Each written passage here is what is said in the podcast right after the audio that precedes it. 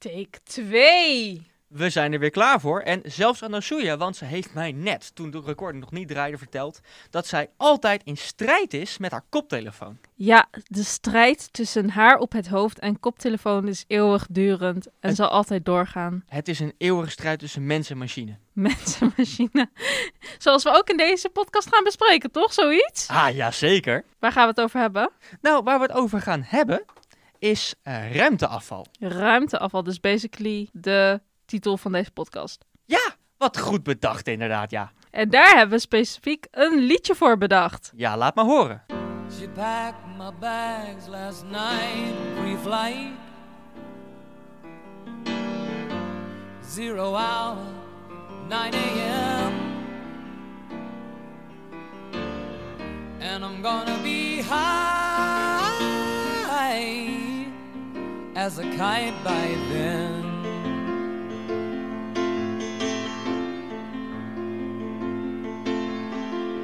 I miss the earth so much.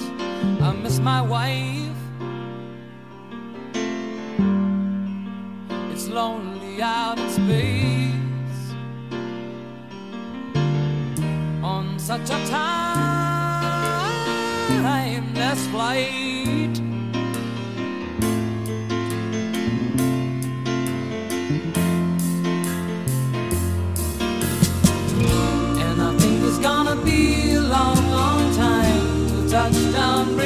I'm not the man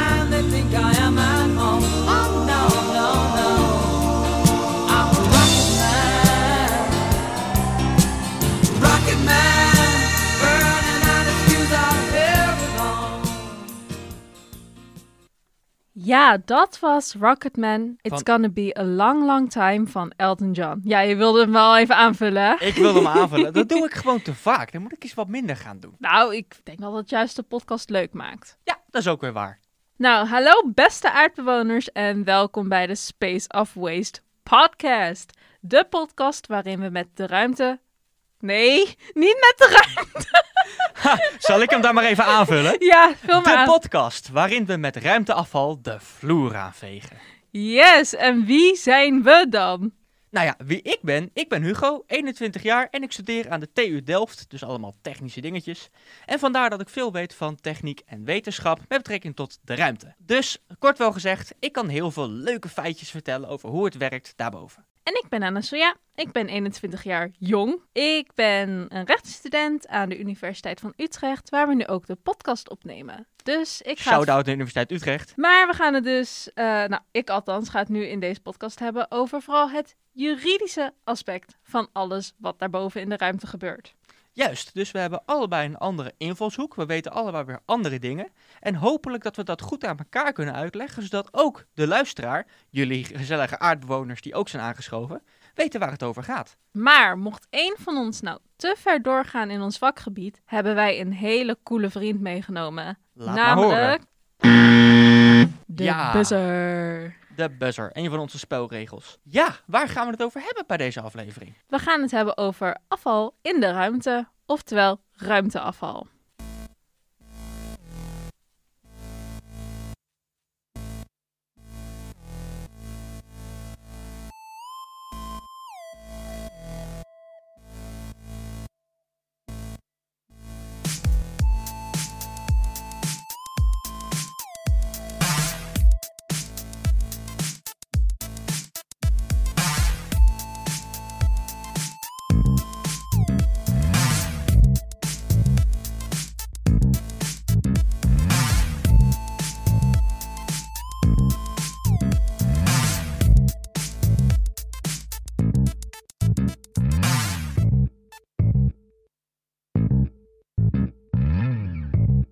Wat is ruimteafval?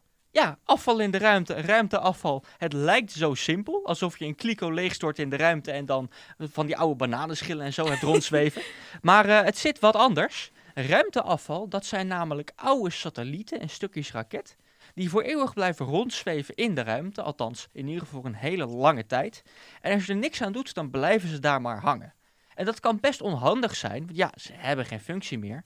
Maar kunnen bijvoorbeeld nog wel oppotsen tegen andere satellieten die het nog wel doen.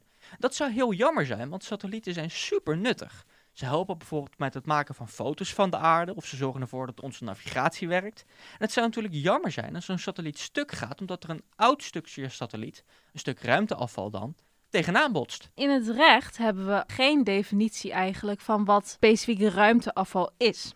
Maar er is een instantie, de ESA, de European Space Agency, een soort van de NASA.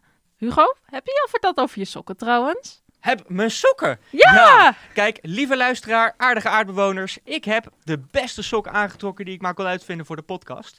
Namelijk mijn speciale NASA-sokken. Suja, geef eens een mooie recensie van mijn sokken. Het is eh, blauw met sterretjes en in het rood met wit op de achtergrond NASA. Dus eh, ja, geloof ik staan er drie sterretjes onder, dus ik eh, geef de sokken ook drie sterren. Drie sterren? Drie Ja. sterren op een schaal van drie sterren natuurlijk. ja, precies, daarom. Ja, dan zoveel sterren heeft de Perfecte NASA. score. De Almighty Holy Grail NASA heeft Ja. zojuist gesproken dat de beste schaal voor sterren drie sterren zijn van de drie sterren. Juist. En de NASA, dat is dus de Amerikaanse ruimtevaartorganisatie. Ja, klopt. Dus die geeft regels en dat soort dingen voor alles wat met Amerikaanse ruimtemissies te maken heeft. Maar zo- Ja, trouwens ook wel een beetje de FAA hoor, de Amerikaanse luchtvaartautoriteit. Maar dat is allemaal niet belangrijk. nee, want het ging over de ESA. Juist, dat is dus de Europese variant van de NASA. Nou kijk, de Europese variant van de NASA heeft dus een speciale working group, een speciale werkgroep die zich bezighoudt met ruimteafval. Dus die mensen doen gewoon de hele dag wat wij nu ook doen. Praten over ruimteafval. Ja, zoiets. Alleen dan hebben zij wel een net pak aan en zo waarschijnlijk. Maar zij zeggen dus, een satelliet kan bestempeld worden als ruimteafval als het aan twee dingen voldoet. Allereerst moet het door mensen gemaakt zijn en ten tweede moet het geen functie meer hebben. En dan geven ze ook nog een aantal voorbeelden. Dus dat zijn dus dan satellieten die niet meer werken, een trapra- rakettrappen, is dat een woord? Ja, dat is een woord, dat is het bovenste stukje van de raket. Het bovenste stukje van een raket, oké. En ook nog stukjes verf. Ja, die kunnen er ook eh, voorkomen. Het kan zo zijn dat een satelliet, bijvoorbeeld omdat de ruimte nou niet echt een plek is waar satellieten eh, het goed hebben. Het is namelijk best wel een handige plek om rond te zweven, vandaar ook dat mensen zo'n uitgebreid pak aan moeten. Daar kan er van alles gebeuren, waardoor er bijvoorbeeld verfschilfertjes van een satelliet afkomen. En die draaien gewoon met die satelliet mee met duizelingwekkende snelheden om de aarde heen. En die kunnen ook een probleem veroorzaken. En wat is het grootste probleem dan? Nou, het grootste probleem, eigenlijk de reden waarom ruimteafval gevaarlijk is, is dat het zo kan gebeuren dat bepaalde stukjes ruimteafval op andere stukken ruimteafval, of misschien wel op werkende satellieten, kunnen botsen. Wat ik net al zei. En wat er dan kan gebeuren, is een hele onhandige kettingreactie. Namelijk dat als er twee satellieten op elkaar botsen, en dat doen ze vaak met een enorme snelheid, dat ze dan uiteenvallen in allemaal kleine stukjes satellietenruimteafval, die dan ook weer op nieuwe satellieten kunnen botsen. En dat zou natuurlijk heel jammer zijn op aarde, want wij hebben heel veel aan satellieten. Bijvoorbeeld, zoals ik net al zei, voor het maken van foto's van de aarde, het in de gaten houden van ons klimaat, maar ook het laten werken van onze navigatie. En dat is niet alleen gevaarlijk voor satellieten, dat zijn in feite gewoon robots. Mochten die kapot gaan, is het vooral jammer voor ons op aarde eh, dat ze bepaalde functies niet meer kunnen doen, zoals navigatie. Maar het is natuurlijk ook gevaarlijk als je daar als mens rondzweeft. Ik zat ook te denken, er is ook een rechtelijk probleem op het moment dat er zoveel ruimtepuin komt in de, nou, ja, de ruimte. Ja, want, Het zit een beetje in de naam al, hè? Ruimtepuin in de ruimte. ja, inderdaad. Ja, nou op het moment dat er zoveel ruimtepuin is, heb je als probleem als land dat je niet meer zo makkelijk naar de ruimte komt.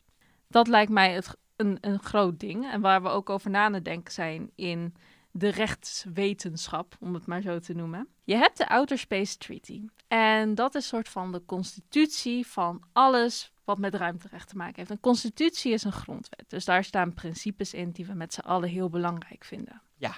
Letterlijk het eerste stukje van dat hele document zegt dat landen het recht hebben om te reizen en het ontdekken van de ruimte. Ik kan me voorstellen op zo'n moment dat er heel veel van die kleine puinstukjes zijn in de ruimte, dat je dan als land niet meer naar de ruimte kan reizen. En dat het dus direct haak staat op wat er staat in de treaty, dat het dus wel moet kunnen. Ja, dat is een heel goed punt. Het is wel zo dat ruimteafval dat zich dicht bij de aarde bevindt. We zeiden al, de ruimte begint op pak een beet 100 kilometer boven het aardoppervlak. Eh, net daarboven nog, als daar ruimteafval rondzweeft, oude satellieten bijvoorbeeld, eh, die zullen vanwege een klein beetje wrijving met de atmosfeer vanzelf op aarde storten en zichzelf daarmee opruimen. Maar heel hoog boven de aarde, in bijvoorbeeld de geostationaire baan die we eerder benoemden. Ah, ja, geostationair. Ik zal het nog even vertellen. Graag, ja. Geostationair, dat betekent dat een baan, dat is een cirkelvormige baan op ongeveer 36.000 kilometer boven de evenaar. Met een hele bijzondere eigenschap. Namelijk als je daar een satelliet in zet, dan draait hij precies mee met de aarde. Dus als je vanaf de aarde naar die satelliet kijkt, dan zie je hem altijd op dezelfde plek. In plaats van dat hij rond blijft zweven en met een snelheid rondgaat. En dat is super handig, bijvoorbeeld als je een antenne wil richten en je bent te lui om steeds te verplaatsen als de satelliet gaat bewegen. Maar als het zo'n probleem kan zijn, hè, en als het dus daar blijft zweven eigenlijk in die baan rond de aarde, de geostationaire baan, waarom ruimen we afval dan niet gewoon op? Kan dat überhaupt technisch? Nou ja, we kunnen twee dingen doen. Nieuwe satellieten kunnen we een beetje extra raketbrandstof en een raketmotor meegeven. Dat die zichzelf op een minder handige plek neerzetten, waar er geen last meer van is, waar ze het niet heel druk maken op een stukje van de baan. Wat je ook kan doen, is dat je nieuwe satellieten lanceert, een soort ruimteafvalwagens. en dat die, eh, dat die naar oude satellieten toe gaan en vastpakken en die hem dan meesleuren terug naar de aarde, dampkring in, waar ze dan opbranden en zichzelf opruimen. Maar de geostationaire baan, met name het stukje dat net boven het land valt, dat is natuurlijk heel erg beperkt. Dus als er net op die plek ruimteafval rondzweeft, dan is het wel degelijk voor een specifiek land een probleem dat er daar afval is. Dus je zou eigenlijk ook een manier moeten vinden voor de nieuwe satellieten waarmee je landen of bedrijven kan verplichten om zo'n extra stukje brandstof mee te nemen, zodat ze op een andere plek gaan staan. Ik zit te denken hoe dat juridisch kan. En uh, in het recht heb je hard law en soft law. Soft law betekent dat er een soort regels zijn, maar dat zijn eerder richtlijnen. En met die richtlijnen zeggen we eigenlijk, nou, dit en dit en dit vinden we belangrijk. Maar vervolgens kunnen we een land niet verplichten om zich eraan te houden. Oké, dus je kan eigenlijk alleen maar zeggen, foei, dat willen we niet. Maar eigenlijk is het wel een beetje een soort van legaal? Ik zou niet willen zeggen dat het legaal is. Het is in ieder geval niet zo. Dat, het wordt je niet in dank afgenomen, laat ik het zo zeggen. Dus als ik bijvoorbeeld zeg: Ik vind deze koptelefoon stom, dan is dat misschien onaardig. Maar het mag in principe wel. Ja, er is, er is niemand die tegen jou kan zeggen dat mag je niet zeggen. Laat ah, ik het zo zeggen. Dus dat is een beetje als soft law. Soft law, ja. Oké.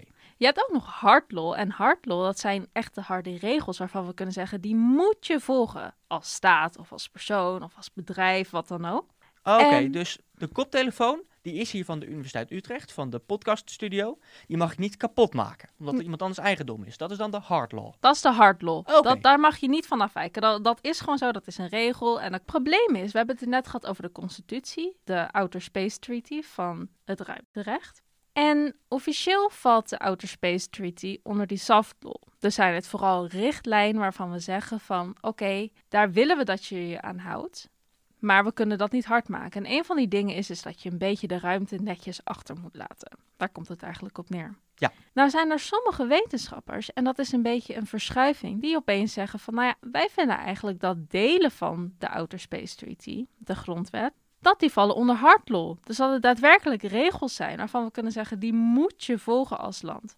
En dat heeft dus wel als gevolg, om weer terug te komen op ruimteafval, dat je dus een land misschien kan verplichten om ervoor te zorgen dat zij een stukje brandstof meenemen, waarmee ze dan volgens op een andere plek in de ruimte kunnen gaan staan op het moment dat de satelliet kapot dreigt te gaan. Of... Oké, dus je hebt dan een harde regel waarmee je kan zeggen van oké, als een land of een bedrijf of wie dan ook een satelliet de ruimte instuurt, op een plek waar het vrij druk is, of eigenlijk overal wel, dat is wel zo sociaal, dan moet die satelliet zichzelf als het ware opruimen als hij bijna klaar is met zijn dingetje doen. Ja, inderdaad.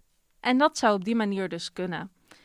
Wat heel fijn zou zijn, maar de wetenschap is er nog niet over uit of dat echt zo kan. Ja, maar over de toekomst van de ruimtevaart gaan we het de volgende aflevering hebben, toch? Ja, ik heb er nu al zin in. Dus, Anasuya, waar hebben we het deze aflevering over gehad? Vat het eens samen. We hebben het over drie vragen gehad. Wat is ruimteafval? Waarom is ruimteafval gevaarlijk? En waarom kunnen we ruimteafval niet gewoon opruimen? Ruimteafval heeft eigenlijk twee kenmerken. Dat is dat het ten eerste door mensen gemaakt moet zijn en dat het geen functie meer moet hebben. Het zijn kapotte satellieten. Waarom het gevaarlijk is, is omdat het in de weg kan zitten en omdat één kapotte satelliet alle stukjes daarvan andere satellieten ook weer kapot kunnen maken. Ja.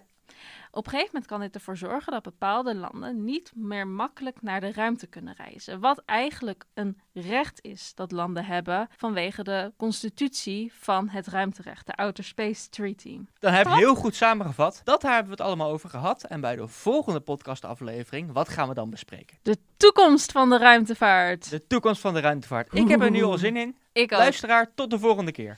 Dag aardbewoners, tot de volgende keer. En Hugo, bedankt.